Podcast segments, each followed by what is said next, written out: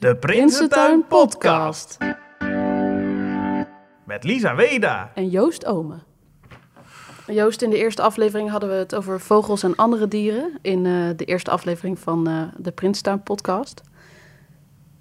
En nu dacht je, nou, na uh, al dat gevogelte kunnen we wel een, een stapje dieper. dus we gaan meteen naar het thema seks en liefde. Klopt. Wa hoe? Hoe? Wat? Oeh, nou ja, het is natuurlijk een, een al oud onderwerp waar dichters altijd graag over schrijven. Mhm. Maar ik heb wel het idee dat de dichters in Nederland de laatste tijd verschrikkelijk eenzaam zijn. En dat ze daarom veel gedichten over seks en liefde schrijven. En sommige gedichten zijn echt ook eh, erg verdrietig. eh, omdat het allemaal eigenlijk niet zo van een leien dakje gaat. Terwijl Mhm. andere juist heel opbeurend zijn. En die schit, dat schitterende contrast, dat vat eigenlijk het liefdesleven van eh, het Nederlandse poëtisch landschap goed samen. Oké. Ehm, dus, eh, en helemaal geen vogels dit keer? Gewoon niks? Eh, dat weet ik, misschien zit er per ongeluk nog wel een vogel in, maar het gaat voornamelijk over seks en liefde. Oké. Dit is volgens mij ook een beetje de, de aflevering die lekker beluisterd gaat worden, want het is natuurlijk een controversieel onderwerp. Ja. Seks Ja. En eenzaamheid eigenlijk. en eenzaamheid. Ja, zo had die ook kunnen heten, seks en eenzaamheid. Maar Beetje jammer. ja. Misschien kunnen we dat nog eh, aan het eind besluiten. Nee, nee, want toch... er zit ook wel heel veel liefde in. Oké. ehm, wie is de eerste dichter? Dat is Simone Atangana Bokono, Melissa de Vries. Vicky Franken, Akim Willems. Hester van Beers, Marije Langelaar. Sarah Michaud, Ellen Dekwits natuurlijk. Maaike Rijntjes. En Jan Glas. Die is echt supergoed. Echt. Het fruit kijkt blozend van mij weg. De vrucht is naakt, ik ben loom. Onder mijn nagels zitten andere vruchten, sommige waren ziek. Anderen heb ik gestreeld of geknepen, opgegooid, met gespreide vingers gevangen. De vruchten die ik niet meenam kregen krasjes van de ring en mijn getige grip. Ik stop een vis in een watermeloen. Al snel zwemt de vis met gemak in het sap, spuugt een zwarte pit in mijn ogen en lacht, ze lacht mij uit. Ik geniet niet van de vrucht zoals de vis dat kan. Ik wil ook in fruit zijn, zoals je kunt liggen in een bad of staan op een berg. Sluit mij ook op in een leeggegeten watermeloen. Haar weeë geur. Ik wil baden in vlees met een pit vrijen en mijn ruggenwervel buigen naar de helling van de schil. Een zucht naar verorbering. Ik klop tegen de wand. Is de vis daar nog? Kan zij overleven of is het zwaar? De gesneden schil kraakt op een kier. De vis trekt baantjes in de groeven die mijn tanden achterlieten. Spartelt in het laatste beetje sap. Alles plakt. Ze is vermoeid. Haar schubben glinsteren roze. Dank jullie wel. Skelet. Op blote voeten loop ik over slakkenhuisjes. Het kraakt zachter dan schelpen doen. Er ruist geen zee in mijn oor, alleen een moeder die zegt dat de snelweg hetzelfde klinkt. Dat we door een uitwendig skelet de zee horen, dat een weekdier nooit een skelet van ons tegen zijn oor houdt. Dat het houden van een skelet van ons niet als zeeën ruist, maar als schepen erop. Scheppen in de grond en lage beton. Van beddengoed vouw ik een vrouw en noem haar tegenwicht. S'avonds lig ik in haar armen, maar ze vindt het niks. Omdat ik boos ben, naai ik haar mond dicht. Ze heeft haar stem met naald en draad door haar neus gekregen. Ze ligt zo stil, maar ik weet het zeker. Ik hoor haar zingen. Ik kan haar niet tegen. Ik laat haar schrikken, ik krijg haar stil. Nu zal ik haar strelen, op haar rug stik ik wraak. Nu kan ik slapen. Doe ik hem gewoon nog eens? Maar misschien als het publiek bij is. Nee. Oké, nee, we doen hem gewoon. Jij zit de naarste van alle narigheden, maar bij uw woorden, bij uw nachtbericht zwicht ik. Voor iedere dag zijt gij het vallen van het hoogste uur dat uit niets zwendel spint. Als de slaap van de maan het diepst is, ontwaakt gij en later verwensen wij elkaar het avondrood. Bij tegenlicht spietst gij mij, graaiend uw armen van overmoed, en aan mijn schreeuwen groeien splinters die gij ruw najaagt als droom. In verbijstering zing ik voor u in driekwartsmaat. Stil van mij niets tenzij, haperend hart. Gij zit de ware van alle waarheden, gedragen door houten wind en uit het lied dat namen naast feiten noemt. Zijt gij het slotakkoord. Pangea. Onze botsingen zijn bergketens geworden, spitse ruggengraten in een eeuwig land. Langs de breuklijnen glijden je warme vingers, wijk ik als zachte klei.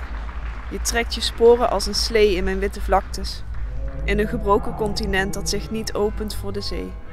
De scheuren in mijn droge aardkorst smaken zout, fluister je. Waarom huil je, waarom beven je botten? Laten we alles groter maken, samen smelten tot woestijn. We zijn een som van waarschijnlijkheden, zeg ik. Waarom zouden we mooier zijn dan ons dorre lichaam? Je ogen doven, je vingers verslappen en langzaam sneeuwen je sporen dicht. Even kijken hoor. Ja. Zand. Ik werd wakker dat jaar aan het strand. Mijn vogellichaam sterk vermagerd. Ik schrok van mijn vriend die naast mij lag, volledig van zand. Begon hem zachtjes te graven. Hij bood geen enkele weerstand, kwam enkele keren klaar, maar totaal misplaatst. Ik voelde me eenzaam ondertussen. Ik riep er dieren bij en kinderen. Zij groeven mee, werktuigelijk of vastbesloten, sommigen uit innerlijke roeping. Wij vonden vele zaken, voorwerpen, substanties. Het allervieste en eveneens een woord tussen de zandhersens geklemd, licht trillend. Ik nam het tussen mijn vingers. We vormden een kring en bekeken het woord dat zich nog in zo'n oertoestand bevond. Het was nog onuitgesproken, ongevormd, maar het was bijna.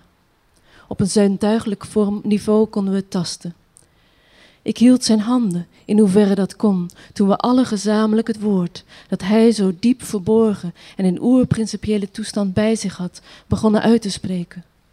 En hoe langzaam herhalend, en de honden die blaften ondersteunend, en het waaide onafgebroken, zijn ogen begonnen te glanzen.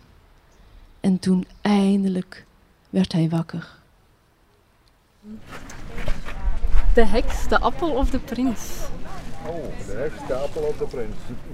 De prins. De prins. Witte paard.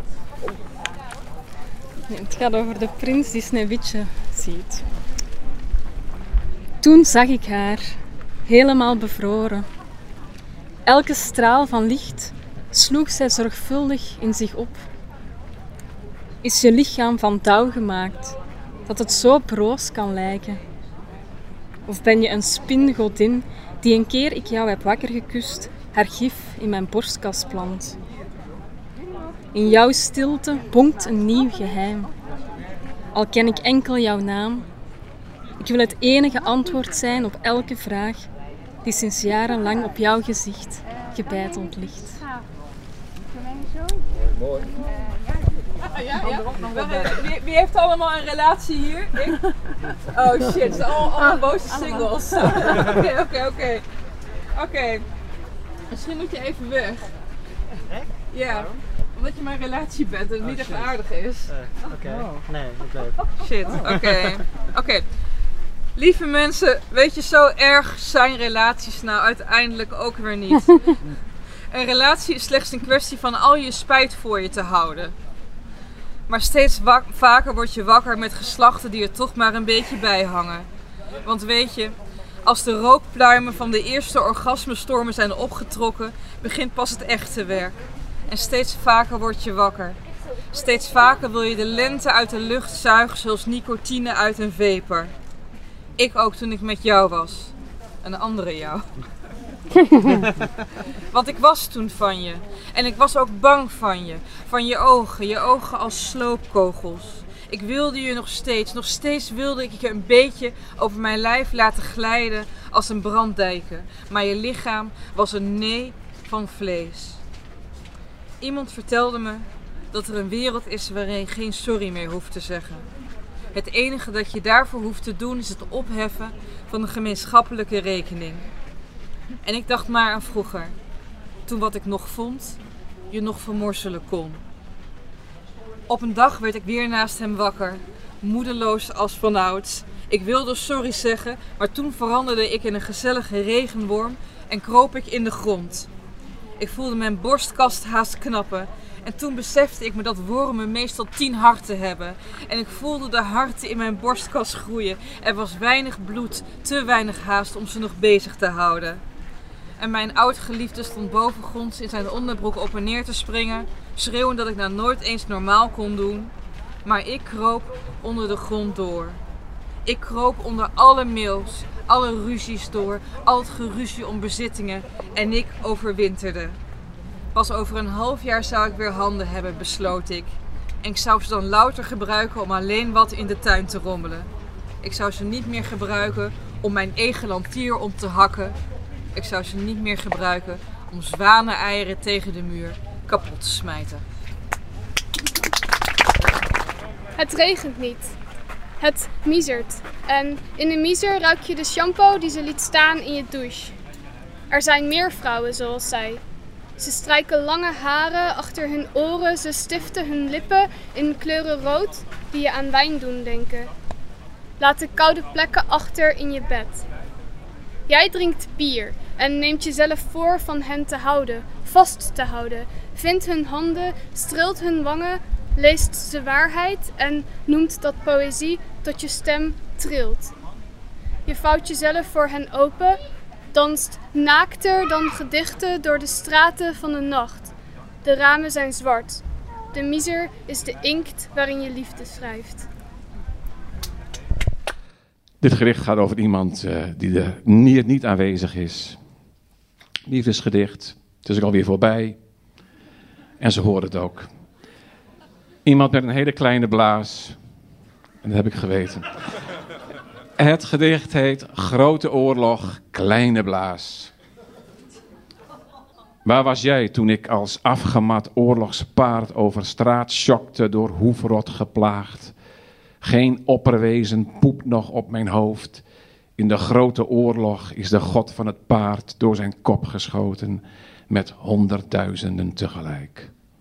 En dit is wat er overblijft. O lief, wat gedij jij goed in vredestijd.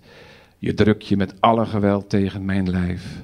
Als ze klaar zijn, kus ik je buik en wek je kleine blaas. Jij verlaat mijn bed, plast, trek je broek weer aan en gaat. Ik benijd de zonde die straks je huid aanraakt. Daar ben ik niet bij. Geen God, geen paard. Uh, Joost, ben je nu eenzaam of opgebeurd aan het eind van deze aflevering? Ik ben helemaal opgewonden. Echt? Ja. Jeetje, wat ga je straks doen dan? Ja.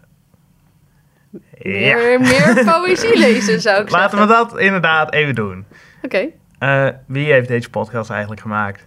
Uh, deze podcast wordt geproduceerd door Ondercast. Ja, en Dichters in de Prinstuin wordt gemaakt door Stichting Literaire Activiteiten Groningen. Yes, bedankt voor het luisteren naar aflevering 2 van de Prinstuin podcast. Hoi. Aansteller. Taxi, de kat wil er ook in. Die zit ook in de onderkast, dat is leuk. Dan zie je zo mooi de dwarsverbanden.